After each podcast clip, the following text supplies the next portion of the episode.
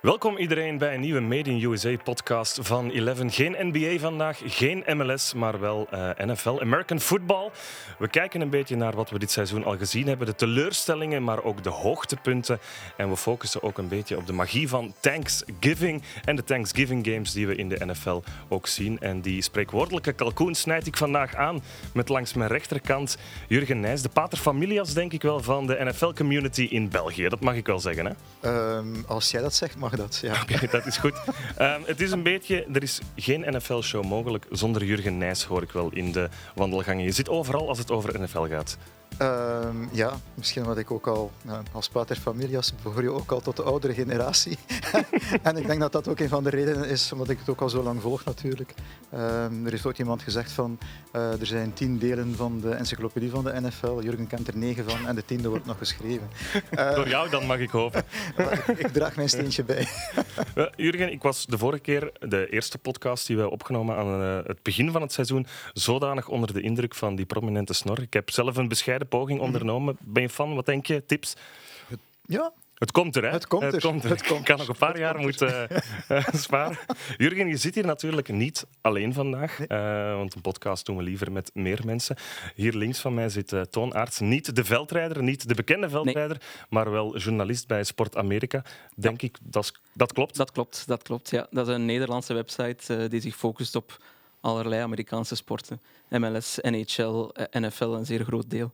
En uh, ja, daar schrijf ik artikeltjes hm. voor en, en verzorg ik ook de podcast. Ja, vrij bekend toch? Meer dan 4000 volgers op Twitter had ik gezien. Ja, in Nederland is die community vrij sterk en het is een beetje mijn rol om dat proberen ook in, in Vlaanderen ietsje populairder te krijgen. Ja, kennen ze daar Jurgen Nijs in Nederland? Iedereen kent Jurgen Nijs in het uh, Nederlandstalige taalgebied. Echt? Nee toch? Ja, absoluut. Ja, ja. Jouw naam uh, klinkt bekend in de oren, ja. Okay. zeker. We hebben je toch al iets nieuws kunnen vertellen vandaag. Ja, nu ben ik nog. Daar had ik niet op gehoopt uh, in het begin. Um, goed, het is vaak moeilijk om een echte specialist uh, te vinden in de NFL. Buiten Jurgen dan, uiteraard. We hebben Frans Hevico, commentator bij ons. Hoe ben jij erin gerold? Ja, ik, ik toen ik student was, ben ik uh, beginnen eigenlijk kijken naar Amerikaanse sporten. Toen had je ESPN America uh, via Telenet, denk ik, uh, als kanaal. Daar was NFL niet op aanwezig. Daar ben ik eigenlijk eerst in de NBA gerold, dan in, in MLB was het ook. Um, en dan ben ik eigenlijk automatisch ook een beetje binnen kijken naar de NFL. En, en die sport heeft mij meteen vastgegrepen. En, en elk jaar probeer ik het een beetje meer en meer met in, mij in te verdiepen. En um, ja, sinds een jaar of zes zou ik zeggen, uh, ben ik echt gepassioneerd uh, aan het volgen. En, uh, ja. Ja, en, en wat is het dan in de NFL dat jou zo vastneemt? Ik, ik denk dat het een soort. ik denk dat het de schaarste is die, die zo interessant is. Er zijn weinig games relatief. het is een heel kort seizoen, een lang off-season. Um, relatief weinig spelers ook, maar het zijn dan wel echte sterren. Het zijn de beste atleten. En, en wat je ziet op het veld, het is elke week weer iets anders. Het is elke week spectaculair. En uh, ja, het blijft mij captiveren. Ja, elke week spectaculair, vooral dit seizoen. Mhm. Normaal gezien heb je twee, drie titelkandidaten die er vrij snel bovenuit springen. Dat is dit jaar niet het geval, absoluut niet. Nee, wel, er is de film van Oliver Stone, Any Given Sunday, en nu heeft inderdaad de realiteit de fictie ingehaald. Ja. Want nu is het inderdaad zo dat uh, ja, de afgelopen weken zijn er een aantal teams geweest die nog minder dan de helft van hun wedstrijden gewonnen hadden, die dan absolute underdog waren tegenover topteams, maar die dan wel winnen. En het beste voorbeeld is afgelopen weekend waar de Houston Texans winnen van Tennessee. Tennessee die, uh, wat was het, zes wedstrijden op rij gewonnen had. Ja. En de Texans die acht, al, al acht keer niet gewonnen hadden van, van Tennessee, die winnen nu opeens wel. Dus dan, en, en, het is niet de eerste keer dat dat gebeurt, want bijvoorbeeld ook Indianapolis tegen Buffalo, ook dat is een hele verrassing geweest. Uh, iedereen dacht in Buffalo, uh, de Colts die, die zullen het daar niet kunnen doen, maar de Colts die gaan daar maar eventjes met 41-15 winnen. Ja. Trouwens, Scorigami heeft aangetoond dat dat de 1070ste originele score is in de NFL. Ik heb het er al een paar keer over gehad tijdens de uitzendingen. Die Scorigami, dat is een Twitter-account die je zeker moet volgen. Dat is echt wel een, eh, echt wel een hele leuke. Ja. Die en Sport Amerika dan. En Sport Amerika natuurlijk. Sport Amerika mag zeker ook gevolgd worden, ja. hoe, hoe komt het dat het dit seizoen zo dicht bij elkaar ligt? Is dat de nasleep van een coronaseizoen, wat we ook een beetje wel in het voetbal zien en misschien wel in de NBA ook? Ja, ik heb erover nagedacht. Um, en ik kan er niet echt een eh, sluitend antwoord op vinden. Net omdat we na vorig seizoen, wat een heel bizar seizoen was, net terug een normale aanloop hadden. Hè. We hadden terug uh, volledig trainingcamp. uh, drie preseason games. Dus je zou denken, de dominante teams, de echt goede teams, ook met de goede coaching en de goede omkadering, ja, die gaan zich optimaal kunnen voorbereiden. We denken aan de Bills, de Chiefs, de Green Bay Packers enzovoort. Maar je ziet dat ja, ook die teams dit seizoen kwetsbaar zijn. En het is um, ja, meer dan ooit Any Given Sunday. Ik denk dat ik het uh, elke week in een of ander artikel probeer uh, te verwerken, want er is elke week wel een verrassing. En, en ik kan er niet goed mijn vinger op leggen waar het dan aan zou liggen. Er zijn geen goede teams meer, zie ik soms uh, rondkomen. Maar je kan het misschien ook omdraaien en zeggen, er zijn misschien niet echt heel slechte teams meer. uiteindelijk is het de bedoeling van de NFL dat het altijd spannend blijft. En daar is eigenlijk heel het systeem rond gebouwd met de draft, waar het slechtste team als eerste mag kiezen, waardoor het talent eigenlijk mooi verdeeld is over de ploegen. Dat, dat werkt, dat, dat is heel duidelijk. Ook als je ziet het aantal teams dat elk jaar in de playoffs geraken, meestal is het, ja, zijn er vier teams, vier nieuwe teams die het jaar ervoor er niet in de play-offs zaten, die er dan weer wel in zitten. Bij hoogste uitzondering zijn het er eens acht. Dat is dan eigenlijk zo ongeveer de helft van, van de teams die nieuw zijn in die play-offs. En dat maakt het interessant, omdat als je supporter bent van een ploeg, ook al zijn het de Detroit Lions, sorry fans, mochten die luisteren of kijken, um, dat je eigenlijk aan het begin van het seizoen denkt van, we hebben nog kans, we, we kunnen er weer aan meedoen, want we hebben die als talent aangetrokken, of, ja, of een nieuwe coach, nieuw systeem. Ja, dit jaar is voor ons tot dan uiteindelijk zo wat halfweg het seizoen blijkt dat dat niet het geval is. Mhm. Maar in dit jaar is dat eigenlijk niet zo, want door al die verrassende uitslagen zijn de Lions eigenlijk mathematisch nog altijd niet uitgeschakeld. Wat ze wel zijn, dat is het eerste team dat zeker is in een seizoen van 17 wedstrijden, dat niet meer wedstrijden zal winnen dan verliezen. Dus dat is nu wel zo, omdat ze nu, ja, ze hebben nu één keer gelijk gespeeld, maar ze hebben ondertussen ook al negen keer verloren. Dus ze kunnen maximaal nog, uh, nog zes keer winnen, denk ik. Hè. Ja, dat is wel een beetje jammer, vind ik, aan de zeventiende game, dat je geen uh, 8 in 8 meer kan hebben. Ja. Ik vond dat wel een mooie ja. Voor, voor de matige teams is dat een mooie uitslag om ja, te bereiken. Maar ik vraag me af, het feit dat die, die ene wedstrijd in de pre-season dat die weggevallen is, of dat wat Thijs nu zegt, of dat daar ook geen invloed op gehad kan hebben. Omdat normaal gezien had je vier wedstrijden in de pre-season. Er werd opgebouwd, je had de eerste twee, waar de nieuwe spelers aan bod kwamen, waar af en toe eens voor één aanval of twee aanvallen de starters op het veld ja. kwamen. De derde wedstrijd die werd dan eigenlijk gestart door de basisploeg. En die speelde dan één helft. Dan werd gekeken van, zijn we op elkaar ingespeeld, lukt dit, lukt dit niet. En de vierde wedstrijd die was dan eigenlijk voor alle spelers die op, ja, op de bubbel zaten. Zijn zij goed genoeg om in het roster te komen om het seizoen mee te beginnen of niet? Moeten ze naar de practice squad of zijn ze gewoon net niet goed genoeg? Mm -hmm. Nu is die vierde wedstrijd weggevallen, waardoor bij sommige teams de starters helemaal niet gespeeld hebben en die derde wedstrijd eigenlijk gebruikt is voor die bubbelspelers. En ik denk dat dat ook voor een deel mee het seizoen ingegaan is.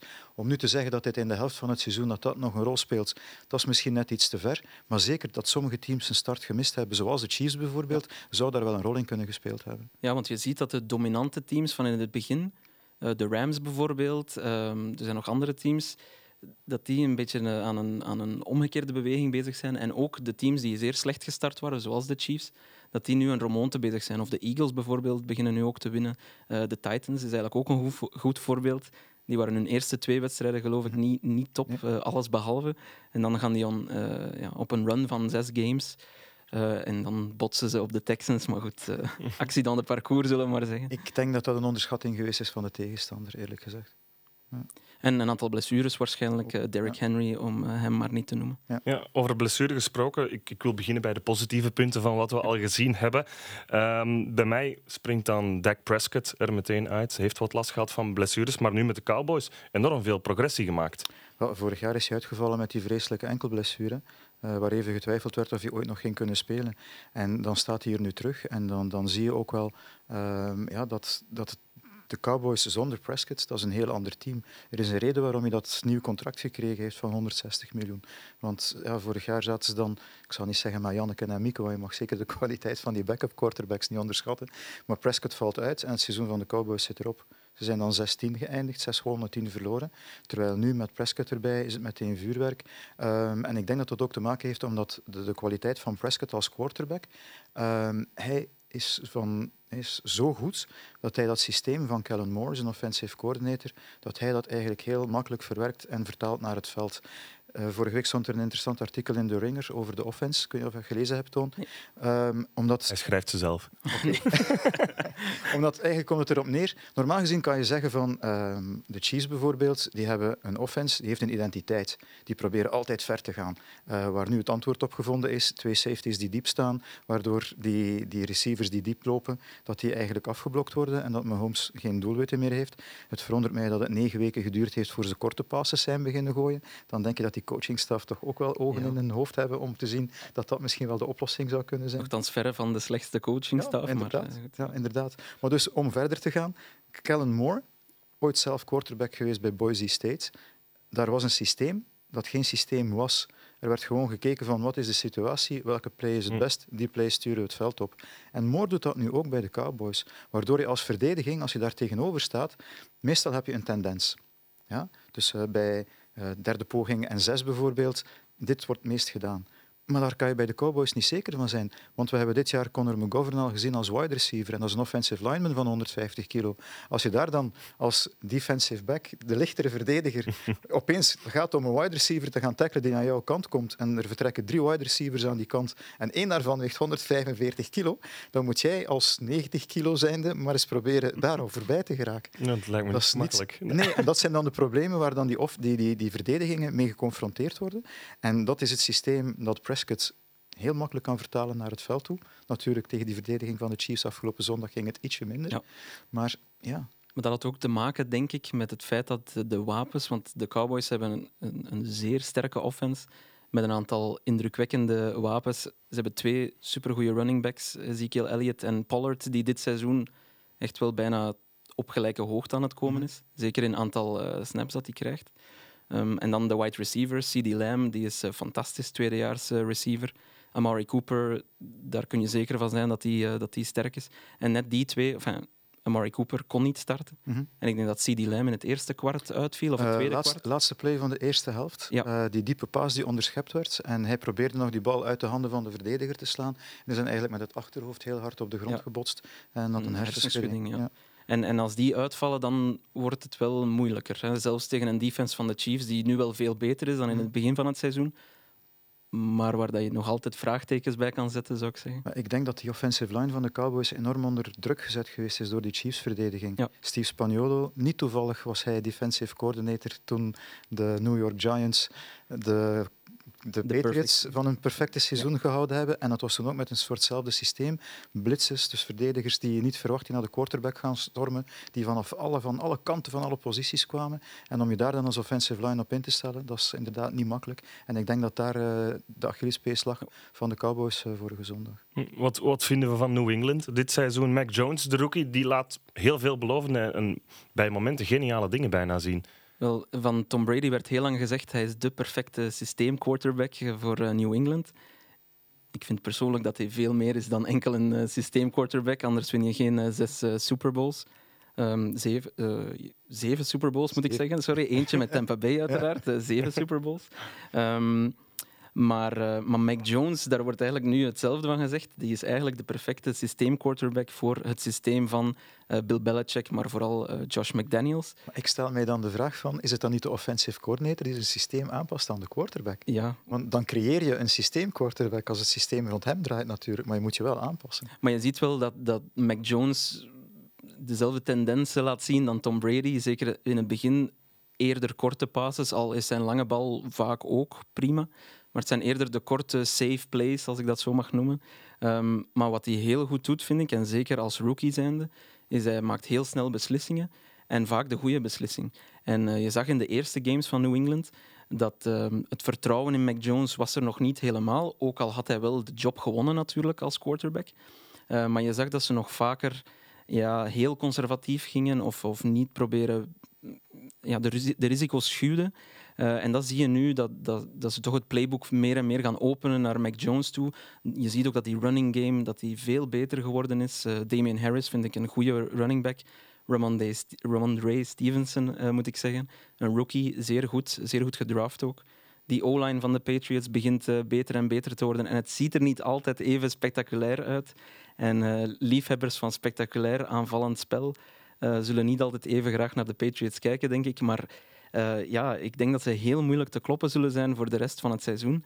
En bijvoorbeeld als ze zondag kunnen winnen van de Titans, dat wordt een hele mooie game, dan um, ja, hou er dan maar rekening mee, ook in de playoffs, uh, zou ik zeggen. Ja, ik zie wel nog twee keer tegen de Bills. Hè? Ja, ik zag je wenkbrauwen al omhoog gaan. Ik, uh, ik wist dat je een kanttekening bij de opmerking van Toon ging uh, geven. Ja, nee, nee, nee. Ik kan Toon helemaal volgen, want uiteindelijk, je zag inderdaad in het begin van het seizoen was er nog niet dat vertrouwen, enkel korte passes waarbij weinig verkeerd kon lopen. En ik denk dat dan eigenlijk de klik gekomen is in de wedstrijd tegen Tampa Bay, waar Jones eigenlijk bijna voet aan voet met Brady gespeeld heeft ja. tot het laatste van de wedstrijd. En op dat moment wisten ze van, oké, hij heeft wel het een en ander in zijn mars. Ook niet vergeten dat die verdediging van New England eigenlijk ook weer heel sterk staat te spelen. Absoluut. En dat is ook omdat er een aantal spelers die vorig jaar geopteerd hadden om niet te spelen in het coronaseizoen, die zijn teruggekomen. Patriots waren de ploeg met de meeste opt-outs, zoals dat toen genoemd werd. Dus die zijn terug. Uh, die Kyle Van Noy die is ook teruggekomen uit Miami. En die is eigenlijk ook een heel sterke uh, ja, kapitein op dat veld. En, en dat geeft dan het vertrouwen van oké, we kunnen al eens een fout maken op offense. Onze verdediging zal ons wel redden. En dat gebeurt ook. En nu is het meer dat vertrouwen. Zoals Stone zegt, die playbook wordt opengetrokken. Jones mag al eens diep gooien, doet dat ook heel goed. En zo ben, is de bal aan het rollen. En waar ik even mijn wenkbrauwen voor optrok, dat was van spectaculaire wedstrijden met de Patriots zou je niet vaak zien. Maar dat was bij Brady eigenlijk juist hetzelfde. Ja, ja absoluut. absoluut. uh, een van de redenen, denk ik, waarom dat de mensen niet heel graag... Uh, of geen fan waren van uh, de New England Patriots, was omdat het allemaal ja, ehm, weinig spectaculair was, mhm. maar hyper efficiënt. En, eh, en ja, Tom Brady was daar bijna de verpersoonlijking van. En wat dan extra speciaal is, is dat hij net in Tampa Bay het helemaal het tegenovergestelde is en net wel de spectaculaire quarterback geworden is op zijn 2, 3, 44ste. Nu, Mac Jones past ook perfect in het systeem. Ik heb nog persconferentie gehad met, uh, met de New England Patriots voor Super Bowls en zo. En ik heb nog nooit zoveel gepraat horen worden zonder dat er eigenlijk iets gezegd werd. en als je nu de persconferenties bekijkt en de, vragen, eh, of de antwoorden leest op de vragen die aan Jones gesteld worden, ja, die is volledig geïndoctrineerd. Gemediatraind. Die zegt heel veel, maar eigenlijk niks. Ja, als we het hebben over systeem en quarterbacks, dan kunnen we ook eens kijken bij een andere ploeg, bij Trevor Lawrence. Groot aangekondigd, geweldige speler. Die heeft het moeilijker. Uh, het lijkt soms een beetje alsof hij te goed is voor de ploeg of het systeem waarin hij moet spelen. Um, ik denk dat het voornaamste, het grootste probleem bij de Jacksonville Jaguars is de offensive line.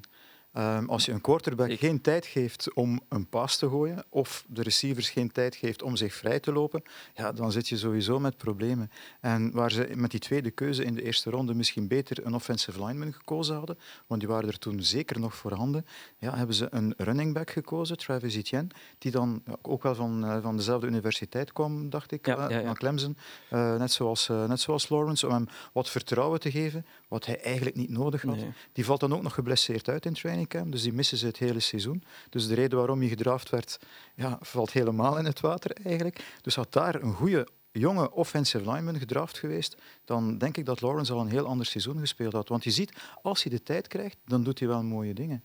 Ja, hij is... Um, hij, ja, hij krijgt eigenlijk de tijd niet om een echte NFL-quarterback te worden, als ik dat zo mag zeggen. Um, net omdat er te weinig talent rondom hem staat. Uh, dat kan je niet anders uh, vaststellen. Um, ja, DJ Chark bijvoorbeeld is ook uh, heel het seizoen geblesseerd. Inderdaad, Travis Etienne, uh, die toch als veelbelovende running back was binnengehaald. Nu moet het terug van James Robinson komen, een undrafted uh, running back die weliswaar zeer goed is, uh, vind ik. En dan vraag ik me af wat de draften van Travis Etienne voor het zelfvertrouwen en het vertrouwen in het team van Robinson Inderdaad. gedaan heeft. Als je voor meer dan duizend yards loopt als undrafted rookie en dan kiezen ze in het jaar erop nog eens een running back die eigenlijk op jouw positie staat, moet niet goed zijn voor het en, uh, en halen ze Carlos Hyde, denk ik, ja, ook, ook, nog. Dus ja. ja. geweldig was dat niet. Maar hij komt wel boven water nu, Robinson. Maar ik vrees dat het voor dit seizoen met Lawrence dat we geduld moeten hebben uh, tot, tot volgend seizoen minstens. Ik hoop alleen maar dat hem niet overkomt wat uh, met Joe Burrow gebeurd ja. is vorig jaar in Cincinnati, want het was een beetje hetzelfde scenario. Ook als eerste gekozen als quarterback, hoge verwachtingen. Die werden ook ingelost, want hij was op weg om alle rookie-records van bij de Cincinnati Bengals uh, te gaan verpulveren. Tot dan die offensive line hem eigenlijk fataal geworden is, een knieblessure. In week 10 was het, denk ik, en voor de rest van het seizoen uitgeschakeld. En dan was al de vraag van, ja, hoe zal hij terugkomen? Maar heel goed, hè? dat antwoord hebben we al ja. gezien hij komt wel heel goed terug. Ja. ja. dat is niet altijd gemakkelijk, uh, want ik wil het ook even hebben over OBJ. Die heeft ook veel blessures gehad mm -hmm. en die is nooit teruggekomen op zijn niveau. Gaat hem dat nog lukken? Eén. En twee, wat vinden we van de prestaties momenteel? Want ik heb hem altijd leren kennen toen ik nog niets van NFL afwist, als degene die de link was tussen de NFL, maar ook tussen het Europese voetbal. Mhm. Dus echt wel een mediafiguur, maar op het veld gaat het veel, veel moeilijker voor hem. Ja, maar zijn domste beslissing is geweest dat hij weg wilde bij, bij de Giants. Was hij daar gebleven, dan had Daniel Jones nu ook een heel ander parcours afgelegd, Ja. de quarterback. Maar ja, OBJ hij is in een slecht systeem terechtgekomen voor hem in Cleveland. Ehm, en daar heeft hij de prijs voor betaald. En nu zit hij in, in, in Los Angeles bij de Rams. Heeft hij dan het geluk, ja, de een zijn brood, we kennen het spreekwoord dat Robert Woods dan uitvalt, maar eigenlijk te vroeg, omdat hij niet de tijd gehad heeft om zich in te werken in die offense. Hij wordt, wordt meteen verwacht dat hij daar eh van resultaat dak gaat. speelt. Ja, dat- ja. Of dat hij toch een bijdrage zal leveren tot het geheel van de Rams. Maar als je slechts één week bij een ploeg bent of nog maar een halve week en je wordt al het veld opgestuurd, dan kan je niet verwachten dat je, en zeker een, een offense van McVay, die toch ook Nee. wel heel ingewikkeld is, dat je daar al volledig in mee kan gaan.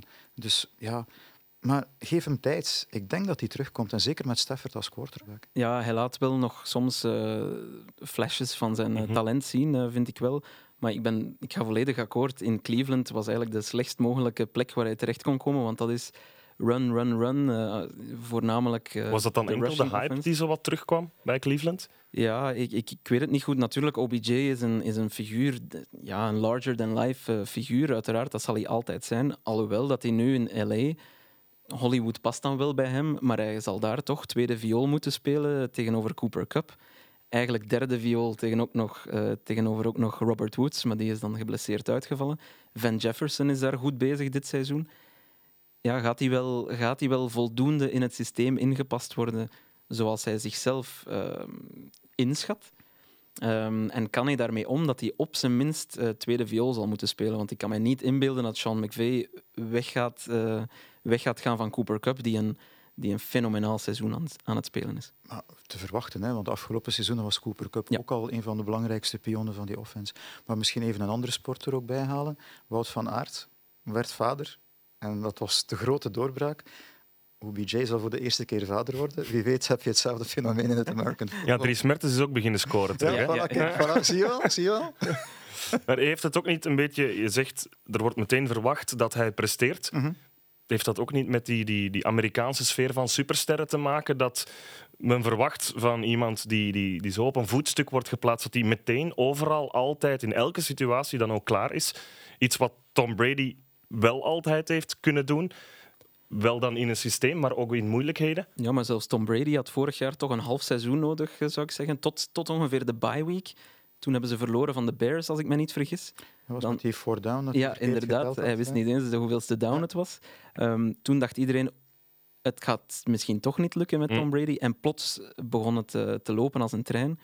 Ehm, dus het, het is niet veel gegeven, denk ik, om, om instant eh, impact te hebben eh, bij een nieuwe club. En, en zeker iemand als OBJ, die eigenlijk de afgelopen drie seizoenen, als ik het goed heb, ehm, of twee seizoenen, ehm, ja, toch zijn ster was tanende op zijn minst.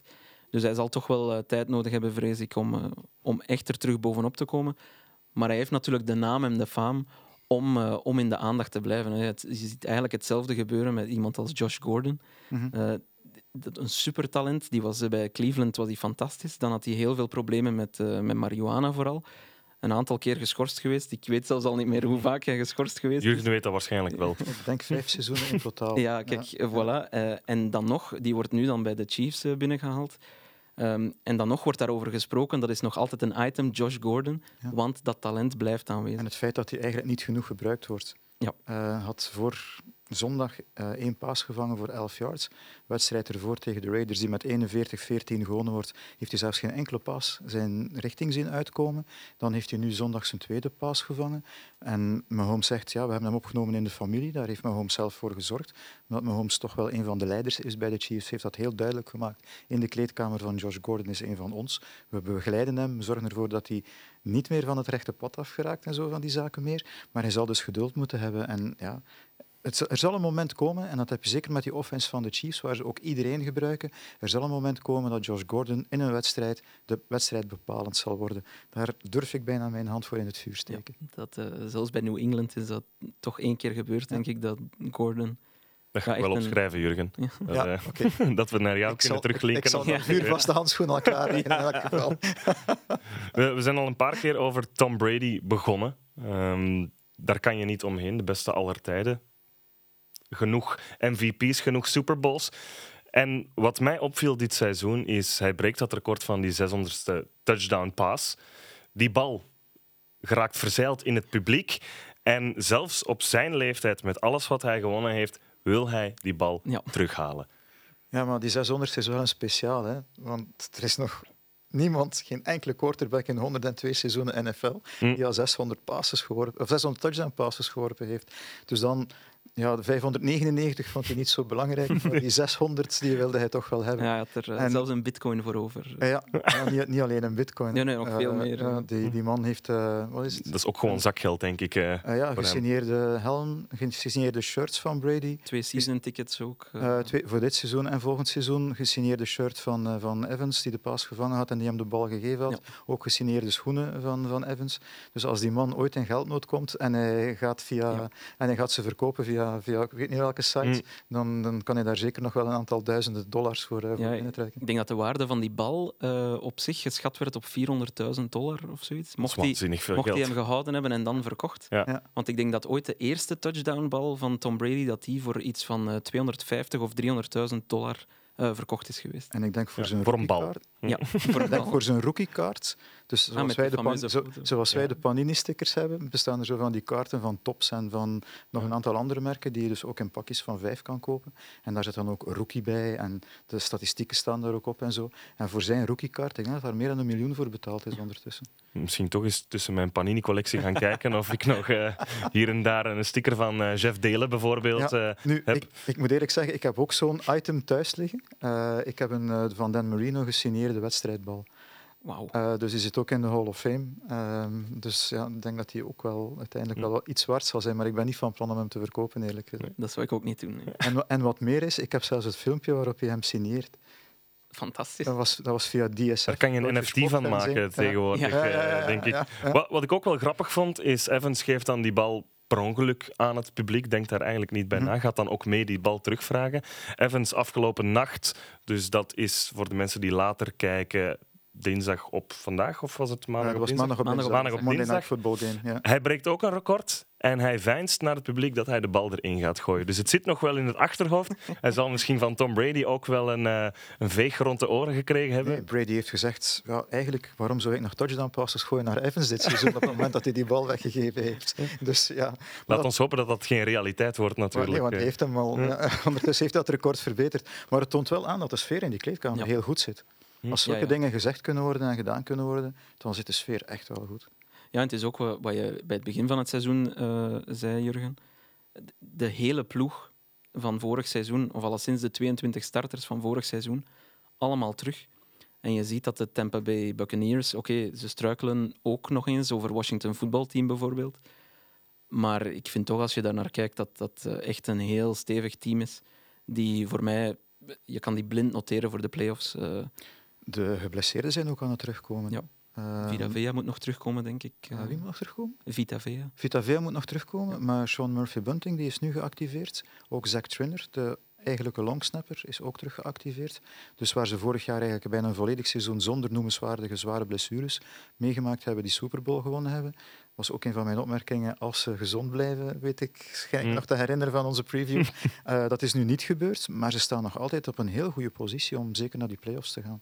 Dus eh, ze hebben daar toch wel rekening mee gehouden. Goed gedraafd ook. Ja. Ja. Ja, met Tom Brady dan. Ik denk dat we niet kunnen zeggen dat er ooit een volgende Tom Brady zal komen. Een echte, de volgende Tom Brady. Eh, het maakt deel uit van de Amerikaanse sportcultuur. Een, beetje talenten vrij snel op een voetstuk plaatsen. Kijken met wie kunnen wij hem verbinden. Ook in het voetbal zien we dat. De nieuwe Lionel Messi, de nieuwe Cristiano Ronaldo. So- social media heeft daar nog meer aan bijgedragen. Doen we dat te snel? Ja, ja. Eh, je kan niet anders zeggen dan ja, want ik denk dat eh, Aaron Rodgers, toen hij zijn eerste Super Bowl won, werd voorspeld, deze man is zo goed, die gaat 15 Super Bowls winnen.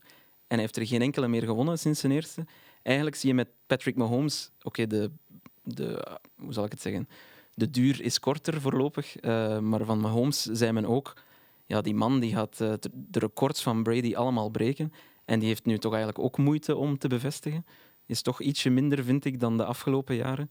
Omdat ze hem uh, doorhebben, bijna zou ik, mhm. zou ik zeggen. Hij heeft ook wel wat pech met zijn intercepties, vind ik, maar goed. Um, dus ja, iemand als Brady, je gaat, je, gaat, uh, je gaat erg hard en lang moeten zoeken, denk ik, om zo iemand nog eens tegen te komen. In onze leeftijd Zeker in mijn leeftijd, want ik heb toch al een paar jaar voorsprong. Zal, zal, het niet meer, zal het niet meer gebeuren, denk ik. Maar wat je daar zegt, Rodgers die heeft tenminste nog een Super Bowl gewonnen. Ja, dat klopt. Uh, als ik even terug ga naar de man waarvan ik de gesigneerde bal heb, die speelde zijn eerste Super Bowl, Super Bowl 19 tegen Joe Montana en de 49ers. En toen werd er ook gezegd van, hij heeft hem nu verloren, maar ja, die komt hier altijd terug, die gaat nog meerdere Super Bowls spelen en die wint hem nog een paar keer. Maar is er nooit meer geraakt. En dan komen we terug bij het begin van, uh, van onze uitzending over die Any Given Sunday. Dat toont ook weer dat, dat evenwicht in die NFL. Dat is eigenlijk ja, dat is, dat is het verkoopsthema eigenlijk omdat ja, alles kan gebeuren. Iedereen kan winnen. Dat, dat, dat, maakt het ook zo fantastisch om te volgen. En nog meer dan ooit dit seizoen. Want letterlijk iedereen kan van iedereen winnen. En ik, ik, ben 99% zeker dat uh, zelfs de Lions ook nog een, uh, een overwinning gaan boeken. Het is al een paar keer heel nip geweest. Hè? ja. Ja. Ik ga jou meteen tegenspreken over ja, we plaatsen te snel iemand op het voetstuk. Want er is één persoon die ik, die, waarvan ik vind dat wij als Belgen dat we die wel op een voetstuk mogen plaatsen. Dat is de jonge Thibaut de Bailly. Um, in april gedraft door Edmonton in de Canadian Football League. Dat is net een niveautje onder de NFL. Mag ik dat zeggen? Uh, eigenlijk kan je de twee niet helemaal vergelijken. Er zijn andere spelregels, er staan meer spelers op het veld. Er zijn maar drie downs in plaats van vier. Dus het, is, het ziet eruit als, een, als, als NFL, maar het is het eigenlijk niet. Oké, daar gaan we later, uh, misschien in de volgende podcast, uh, dieper op ingaan. Maar het is een berensterke kerel. Ik denk dat hij meer dan 130 kilo kan benchen. Een defensive lineman en hij hangt hier toevallig ook aan de lijn. Ik heb die niet voor niets geïntroduceerd. Uh, Thibaut, ben jij aanwezig? Kan je ons horen? Ik ben aanwezig. Dag Thibaut, hoe gaat het met jou? Je hebt je eerste, seizoen bij Edmonton achter de rug in uh, Hartje, Canada. Uh, warm lijkt me dat niet, maar hoe is het geweest? Uh, dat was eigenlijk een heel avontuur. De laatste, dus vorige week hebben we drie matchen gespeeld in, ja, in één week eigenlijk. Dat is iets dat, dat ik nog nooit gedaan heb, ook in België nog niet. Dus ja, niet het resultaat die we wilden hebben. Uh, op het einde van, van het seizoen. Maar ik heb me echt uh, iedere seconde geamuseerd. Ook drie wedstrijden op verplaatsing. Hey Thibaut trouwens, hoe gaat het met je? goed, goed, goed, Het waren er ook drie op verplaatsing, hè, die wedstrijden. Dat gebeurt nog minder vaak, denk ik. Ja, ja de eerste was in uh, Saskatchewan. Dat is denk ik een uurtje vliegen. En dan zijn we direct van Saskatchewan naar Toronto gevlogen. Dat was denk ik rond de drie à vier uur vliegen. En dan van Toronto naar Vancouver. En dat is denk ik vijf à zes uur. Dus het was allemaal op verplaatsing. En uh, ja, het was een heel avontuur die week. Dat klinkt uh, pittig. Thibaut, voor de mensen die jou nog niet kennen... Um, lijkt me onwaarschijnlijk als je naar deze podcast luistert, uiteraard. Um, kan je ons iets uitleggen van begin tot waar je nu bent, hoe je voetbal bent, American football dan liever bent beginnen spelen en hoe je bent geraakt tot waar je vandaag staat? Dus uh, ik ben beginnen Amerikaans voetbal spelen bij de West-Vlaanderen Tribes. Ik denk dat ik rond de 12 jaar oud was.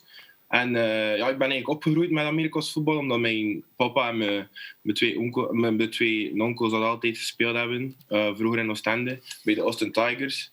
Um, dus ja, van jongs af aan heb ik altijd al naar de, naar de college matchen gekeken op uh, ESPN Amerika en zo.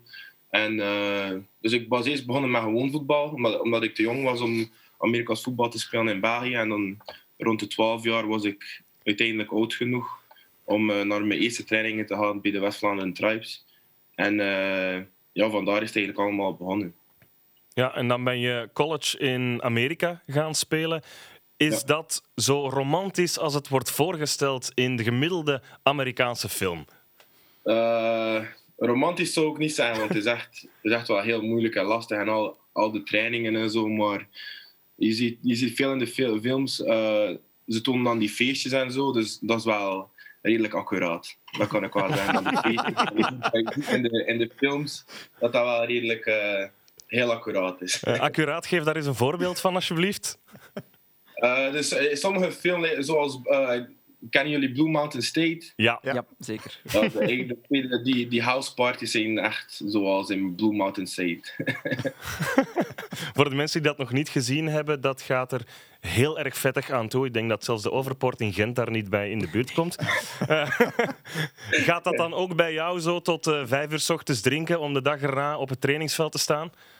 Eh, nee, nee, zo- ben ik wel niet. Als we, normaal ging ik dan in Towson ging ik dan uit als we, als we gewonnen hadden. Als we ver- verloren hadden, ging ik, ging ik nooit uit. Eh, maar als we dan gewonnen hadden, zeker tegen, tegen onze, mijn, mijn, fresh, eerste jaar in college, hadden we gewonnen tegen onze, eh, tegen onze rivals Delaware. Ehm, en dat was toch wel een redelijk heftig feestje de hele, heel de nacht door. Is dat dan in eh, mooie tenue, in zo'n jogvestje? Eh, en ik, ik, ik beeld me dan in dat je in elke hoek van het huis eh, Chuck, Chuck, Chuck hoort. Dat het daar ergens Ja. een kekstand gebeurt. Ja, dat wel. Dat wel. Dat, dat, heel, leren, heel, heel leren jas, maar wel overal gedronken en veel bier gedronken. Dat was wel redelijk leuk. Ja, goed, we moeten het ook natuurlijk over fo- American football Ja. nog hebben. Dat mogen we niet vergeten. Een beetje. Een beetje. Ehm, dat moment dat je gedraft wordt, wat gaat er door je heen dan? Mag ik er nog even tussen komen? Tuurlijk, tuurlijk. Want de overstap van, van Townsend naar die draft, die is toch ook heel speciaal geweest, want je hebt je daar ook op moeten voorbereiden.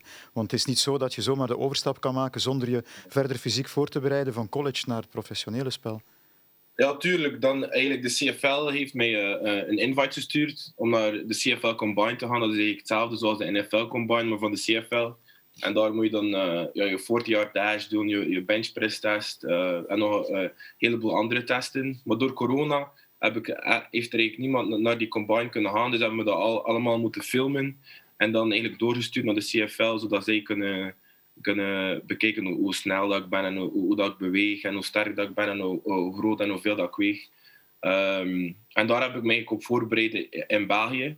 Met, eh, ik heb mijn trainer eh, Glenn Vlaming en eh, Manu Volken ook. Zij hebben me geholpen om sneller te maken en, en, ook om sterker te maken. En dan hebben we dat allemaal gefilmd. En ja, dan eigenlijk op de, op de draft day zelf had ik eigenlijk, wanneer, dat, wanneer dat ik mijn naam hoorde, alleen wanneer dat, dat ik mijn naam zag, was ik eigenlijk heel stil en iedereen rond me was eigenlijk, ah, dus mijn ouders en mijn zus waren heel blij en aan het roepen en eh, mijn mama aan het tweede en mijn zus ook aan het tweede en ik was eigenlijk gewoon heel stil en ik wist eigenlijk niet wat dat me overkwam. En eh, dan, ja, een eentje later wist ik van, ja, dat mijn, mijn grote droom, dat ik al van, van negen jaar oud wil doen, dat dat nu waar komt en dat was wel iets heel speciaals. Nu, je was stil omdat je wist wat er kwam. Het zwaarste moest nog komen, je bevestigen bij die ploeg. Ja, dat is waar. Eh, dan eigenlijk kom je. Dus ehm, ik denk dat ik hier toegekomen ben in Canada in, eh, juli. En dan begint eigenlijk trainingskamp. En eh, dus het is allemaal goed en wel dat je gedraafd wordt, maar je moet je nog altijd be- bewijzen. En eigenlijk, je kan iedere dag gekut worden. De, e- de, de persoon die als eerste gekozen wordt, kan gekut worden. En de persoon die als laatste gekozen wordt, kan ook gekut worden. Dus de druk is wel heel hoog, iedere dag om je te bewijzen en, en maken dat je de, dat je de plays kent. En, ehm, ja, maar ik heb daar eigenlijk nog nooit, met de plays kennen heb ik nog nooit echt eh, veel eh, moeite mee gehad. Je moet gewoon kunnen bewijzen tijdens de scrimmages. En we hebben, normaal hebben we ook een pre-season zoals in de NFL, maar door corona was dat, is dat niet gebeurd. Hebben we geen pre-season gehad, dus hebben we eigenlijk alleen maar één scrimmage gehad. eh waar dat we denk ik rond de 50 à 60 plays hebben gerund. En dat was eigenlijk het enige moment dat je echt kon bewijzen van... Dat was testen bij een match dat we, dat we eigenlijk gedaan hebben tijdens het trainingskamp. Door, ja, door corona eigenlijk. Ja. Maar dan op plaatsen van trainingskamp... Ja, dus je ziet eigenlijk eh, de dagen voordien zie je mensen uit de kleedkamer gehaald worden en ze worden dan gekut. En dat is, de- dat is wel heel ehm, confronterend, omdat dat de eerste keer is dat, dat ik dat zag. In, in college gebeurt dat niet echt. Als je een scholarship krijgt, ben je daar. Als je, als je, niets, dom doet, als je niets dom doet, ben je daar voor vier jaar en als je, als je je nooit uit de ploeg smijten als je, als je gewoon je verstand gebruikt. Maar dat was dan de eerste keer dat ik zag dat spelers gekut worden, werden en dat was echt wel heel confronterend. En ja, ik word daar ook wel een beetje nerveus van. Maar eh, ja, ik denk dat ik mijn best, best gedaan heb en dan heb ik de ploeg gemaakt. Thibaut, eh, wa- wanneer, wanneer wist je zelf, ik, ik haal het team? Is dat echt op de allerlaatste dag voor jou? Of, Ja, ja, of wist je het al voor- zeker voor de, voor de rookies is dat als je ja, een, vet, een een veteraan die hier al ja, vijf, zes jaar speelde in de, in de league, is al redelijk zeker van dat ik wel de ploeg ga maken. Maar voor de rookies is dat wel heel, heel nerveus. En dat was eigenlijk echt de laatste dag dat ze, dat, dat ze de, de director of football operations komt dan naar je toe en zegt dan van proficiat, je hebt de ploeg gemaakt. En dan weet je van dat je in de ploeg zit. Dus dat was wel heel... Uh, dat was wel uh, een speciaal moment. Dan begon het seizoen, zat je ook meteen in het startingteam. Maar dan toch een paar keer terug naar de practice squad gegaan, dat op en af. Hoe ervaar je dat? Ja, dat was eigenlijk wel ja, frustrerend, omdat ze, ze, ze geven ook niet echt uh, een uitleg waarom dat ze je naar de practice squad sturen. Maar er zijn ook in, in de CFL zijn er ook heel veel regels ze moeten maken dat, dat er zoveel Canadezen uh, op het veld staan en gedrest zijn. En als er dan een Canadees uitvalt, dan, dan kan het zijn dat, je, dat jij je plaats verliest voor, die, voor een andere Canadees die ze moeten uh, aankleden. Dus ja, dat, was wel, dat was wel redelijk frustrerend, maar niet echt iets dat, dat ik kan aan doen. En ik heb gewoon gemaakt dat ja, mijn effort tijdens de trainingen iedere keer hetzelfde was en 100% ervoor hing. En ja, dat is het enige dat, dat, dat ik kon doen. Ja, Thibaut, Jurgen zei het me voor de opname. Je hebt wel die eerste hit gehaald. Ja, je eerste tackle die heb je gemaakt. Welk gevoel ging er dan door je heen? Uh, ja, je bent eigenlijk zo in het moment dat je daar niet echt, dat je daar niet echt aan denkt van ik heb nu juist mijn eerste tackle gemaakt. Het is, gewoon, het is ook uh, in de CFL zijn de plays, de offense is ook redelijk uh, een quick pace offense, dus je kan niet, niet eigenlijk, niet echt denken van ja, ik heb nu juist mijn eerste tackle gemaakt. Moet gewoon, ik, ik ben gewoon gefocust gebleven op de, op de volgende play. Ja, oké. Okay. Thibaut, wij gaan stilletjes aan moeten afronden, want zoveel tijd hebben we niet. Maar ik wil jou vooral heel erg bedanken om even in te bellen vanuit Canada. Ik heb verstaan ook dat je op Thanksgiving donderdag terug naar België uh, vliegt. Wie weet kunnen we dan even wat bijpraten, nog extra, want van nu was het maar tien minuutjes. Nog één klein vraagje van mij. Hoeveel bench je exact? Uh, ik heb al lang niet meer mijn maximum gedaan, maar uh, mijn eerste jaar in college heb ik 180 kilo gebenched. okay. Misschien... Dat, dat, dat, ben ik een paar keer. Uh, ik denk dat, dat wij drie samen zijn met, met ons drie. dat kan wel eens. Uh, Thibaut, ik, ik, bedank je heel erg voor tijd te maken en vooral nog heel veel succes. En uh, weet dat jij onze hoop bent om een eerste Belg in de NFL te krijgen ooit. Hè? dank u wel, dank u wel. Merci om, een veilige terugreis ook. Ja, veilige ja. terugreis. Dank je wel, Thibaut. Bye bye. Goed, Thanksgiving. Daar draait het ook voornamelijk om. Mm -hmm. Dat is nu donderdag, 25 november. In de NFL is er altijd iets gaande. Zijn er altijd games. We hebben de Lions tegen de Bears met Frans Heuvik om 18 uur op donderdag. En we hebben de Cowboys... 18.30 ja. En we hebben de Cowboys versus de Raiders met wie anders dan Jurgen Nijs om 22.30 uur. We gaan een beetje moeten concurreren, want ik zit uh, in de commentary booth voor de MLS. Maar ik vermoed dat dat publiek vrij gescheiden is. En ik zal niet proberen te luid te roepen, anders gaan de mensen overschakelen. Ja, langs mijn kant kan het ook wel eens uh, heel luid zijn. Maar um, vooral, wat is er zo speciaal aan Thanksgiving? Kunnen wij dat vatten als Belgen? Well, het is, uh, je kan het een heel klein beetje vergelijken een heel, heel klein beetje met nu het kerstvoetbal wat ze proberen uh, te introduceren um, in de Jupiler Pro, League. Maar de beleving is, is helemaal anders. Het is een van de belangrijkste feestdagen in, in de VS, court. Uh, niemand werkt, of alleszins uh, weinig mensen werken. Um, en dan wordt er naar voetbal gekeken. En dat is een traditie die al teruggaat tot in de jaren 30, eigenlijk al tot in de 19e eeuw. Met college en high school die daar al uh, games organiseerden de NFL of de voorloper van de NFL zag dat dat zeer populair was en zeer, uh, zeer veel volk en, en ogen op het product genereerde. En die dachten, we moeten hier iets van maken. En uh, ja, het is uh, sindsdien altijd een terugkomende traditie. Nog voordat Thursday Night Football bestond, was er wel al gewoon die donderdag game op Thanksgiving. En het is, ja, iedereen zit voor de buis bij de familie. Ja, het is ja. op kerstmis na het grootste familiefeest. Hè. Ja. iedereen gaat naar zijn familie toe. Uh, meer nog dan op kerst zelfs. Uh, dus het is echt de familiebijeenkomst en die wordt dan eigenlijk afgesloten met naar die wedstrijden te kijken. De eerste wedstrijd is in het eerste seizoen van de NFL gespeeld trouwens, was in 1920. Um, en dan sinds 1934 zijn het eigenlijk altijd de Detroit Lions die gespeeld hebben. Is een traditie geworden. En dan uh, sinds 1966 zijn het ook de Cowboys. Omdat Tex Schramm, de toenmalige general manager, heeft de NFL zover gekregen om te zeggen van oké, ja, Texas, de Dallas Cowboys, die mogen het ook. Um, was voornamelijk financieel, omdat Tex Ram zag van hier zit wel iets in. Ehm, en dus op die manier uh, sinds 66 ook de Cowboys, enkel twee keer niet. Ja. In de jaren 70 is twee keer zijn het de St. Louis Cardinals geweest. Uh, maar toen was het duidelijk dat, uh, dat die niet zo succesvol waren en niet zoveel aandacht creëerden Nee. als de Cowboys voor die Thanksgiving Games. Zelfs geen volle stadions. Nee, voilà. En uh, dan sindsdien zijn het eigenlijk altijd de Cowboys geweest. Ja. Ja, tien encyclopedieën, negen ken je ervan. Dat uh, klopt helemaal. Bij Thanksgiving, wat ik ervan weet, is dat er wordt gegeven, maar ook dankbaar is. Ja. En bij geven hoort een giveaway, natuurlijk. We hebben hier, hij speelt donderdag niet, maar een prachtig Steelers shirt van TJ Watt, dat wij gaan weggeven in deze podcast. Jurgen, de vorige keer wist jij wat ze ervoor moesten doen en was dat heerlijk uh, origineel. Ik denk dat je vandaag ook iets verzonnen hebt. Ik moet eerlijk toegeven dat het idee ook mee van jou kwam, Thijs. dat, moet je, dat moet je nu niet zeggen als je in de micro spreekt. Okay, ik, heb al zo, ik, heb, ik heb al zoveel lof mijn richting uitgewaaid gekregen vandaag dat ik dat ook wel wil delen. En, uh, dus de vraag die je moet dat is Thanksgiving echt. Ja, ja, ja, ja. Voilà, en, de, en, de, vraag die je moet beantwoorden eigenlijk onder uh, het filmpje op YouTube is het, dacht ik. Hè? Ja. Uh, is wat wordt er gegeten op Thanksgiving. En, ja. Ze mogen hun favoriete ja, je favoriete dat, eten. Dat ja. we wat uh, ja. een beetje kunnen variëren en misschien wat, wat inspiratie kunnen opdoen voor onze kerst dan. Ik zeg maar, uh, en, cheddar mashed potatoes is mijn favoriet. Waanzinnig goed. Oké, okay, en laat ik er nog iets aan toevoegen. Als je het recept eronder kan zetten, dan maak, krijg je nog een streepje voor om dan het shirt te winnen. Dus, en, en Jurgen, moet het, Jurgen moet het zelf kunnen maken ook. Ja, ja de, de, die, het ideale kalkoenrecept dat mag natuurlijk altijd gedeeld worden als je een grootvader of moeder hebt die zo'n recept hebt. We hebben onderaan hier ook een mooie visual uh, met een kalkoen en een aantal spelers die uh, donderdag spelen.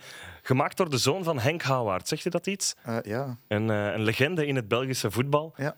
Um, zijn zoon werkt op onze social media en die kan waanzinnig goed photoshoppen. Ja, schitterend. Um, Schitterend gedaan. Jammer genoeg zijn we al over tijd. Oei. Um, want de Franse podcast die zijn op 42 minuten geëindigd. Wij zitten nu iets verder. Voor de mensen die tweetalig zijn, je kan ook bij de Franstalige kant dus een podcast beluisteren met Anthony Koppie, Pat Stein en Maxime Doom, die de presentatie doet. Wij moeten jammer genoeg afsluiten. Ik onthoud vooral dat Jurgen echt een vat vol kennis is, dat Toonaards een heel aangename gesprekspartner is. Volg zeker Sport Amerika, want ik heb zelfs gezien dat er een beetje MLS op voorbij komt. Zeker. Favorieten van het komende seizoen. Um, en donderdag maakt u graag de keuze tussen de MLS en de NFL. Maar we hebben natuurlijk ook nog daarvoor en erna NFL. Want als ik het hier zie, Cowboys tegen de Raiders ook. Um, dat, dat ben jij. Dat en dan de Saints ja. tegen de Bills om twee uur de nachtwedstrijd, ja. s'nachts. Ik bedank jullie voor het luisteren, voor het kijken. En ik zie jullie graag voor een volgende Made in USA podcast terug. Dat gaat de NBA Christmas podcast special zijn. Tot de volgende keer. Dag.